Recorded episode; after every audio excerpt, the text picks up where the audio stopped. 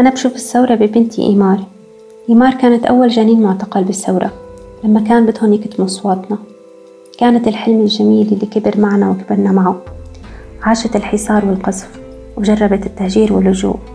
انشلعت من تربتها وانحرمت من حنان أهلنا ومن رفقاتها. يلي لسه بتذكرن وكل فترة بتسألني ماما رح نرجع عدوما؟ لو سألتوها لأي بلد بتحبي تسافري بكل ثقة بيكون حلمها تسافر لسوريا. يعني عمر قبل الثورة عن عمر بعد الثورة هو بالحقيقة آه، مسألة داخلية عاطفية أكثر.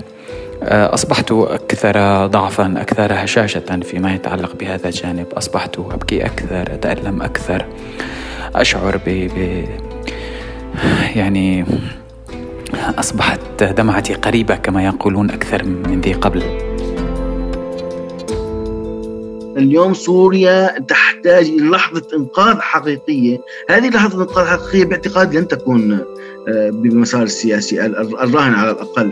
لأن المسار السياسي هو يبشرنا بنموذج دايتون على الأقل أو نموذج لبنان المحسن. يعني نحن ما عندنا توازع طائفي ولكن عندنا قد تكون توازع لقوى سياسية أو قوى عسكرية وراها دول. وبالتالي أيضا في عندي محاصصة. كلا كلا نموذجين إن كان دايتون أو لبنان يعني إنتاج دستور غير قابل للتعديل. وبالتالي هذا ضرب رئيسي في جوهر أي أي مشروع سيكون وطني في اللاحق.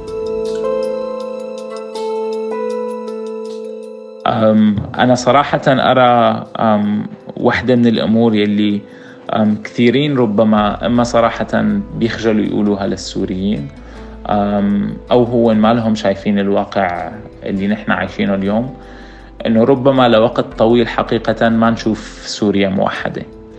بمعنى ما بدي أقول إنه طبعا سوريا صارت ثلاث دول لا بس ما حنشوف سلطة واحدة بتمثل كل السوريين ماسكة كل سوريا. وهذا أمر حقيقة لازم نتأقلم معه. يا مرحبا أنا أحمد حذيفة وهذا بودكاست سوريا العظيمة من إنتاج نون بوست. وفيه نناقش مستقبل بلدنا سوريا بعد عشر سنوات على الثورة.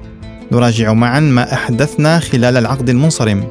لنستبصر دربنا ونستشرف مآلنا. في الإعداد سيكون معي الصديقان عبيد عامر ويوسف موسى. وفي كل حلقة سنستضيف عددا من الفاعلين والخبراء والمعنيين. استمعوا إلينا كل خميس ابتداء من الثامن عشر من أذار عبر أي منصة بودكاست تفضلونها. Apple و Google Podcast Spotify و SoundCloud ألقاكم على خير.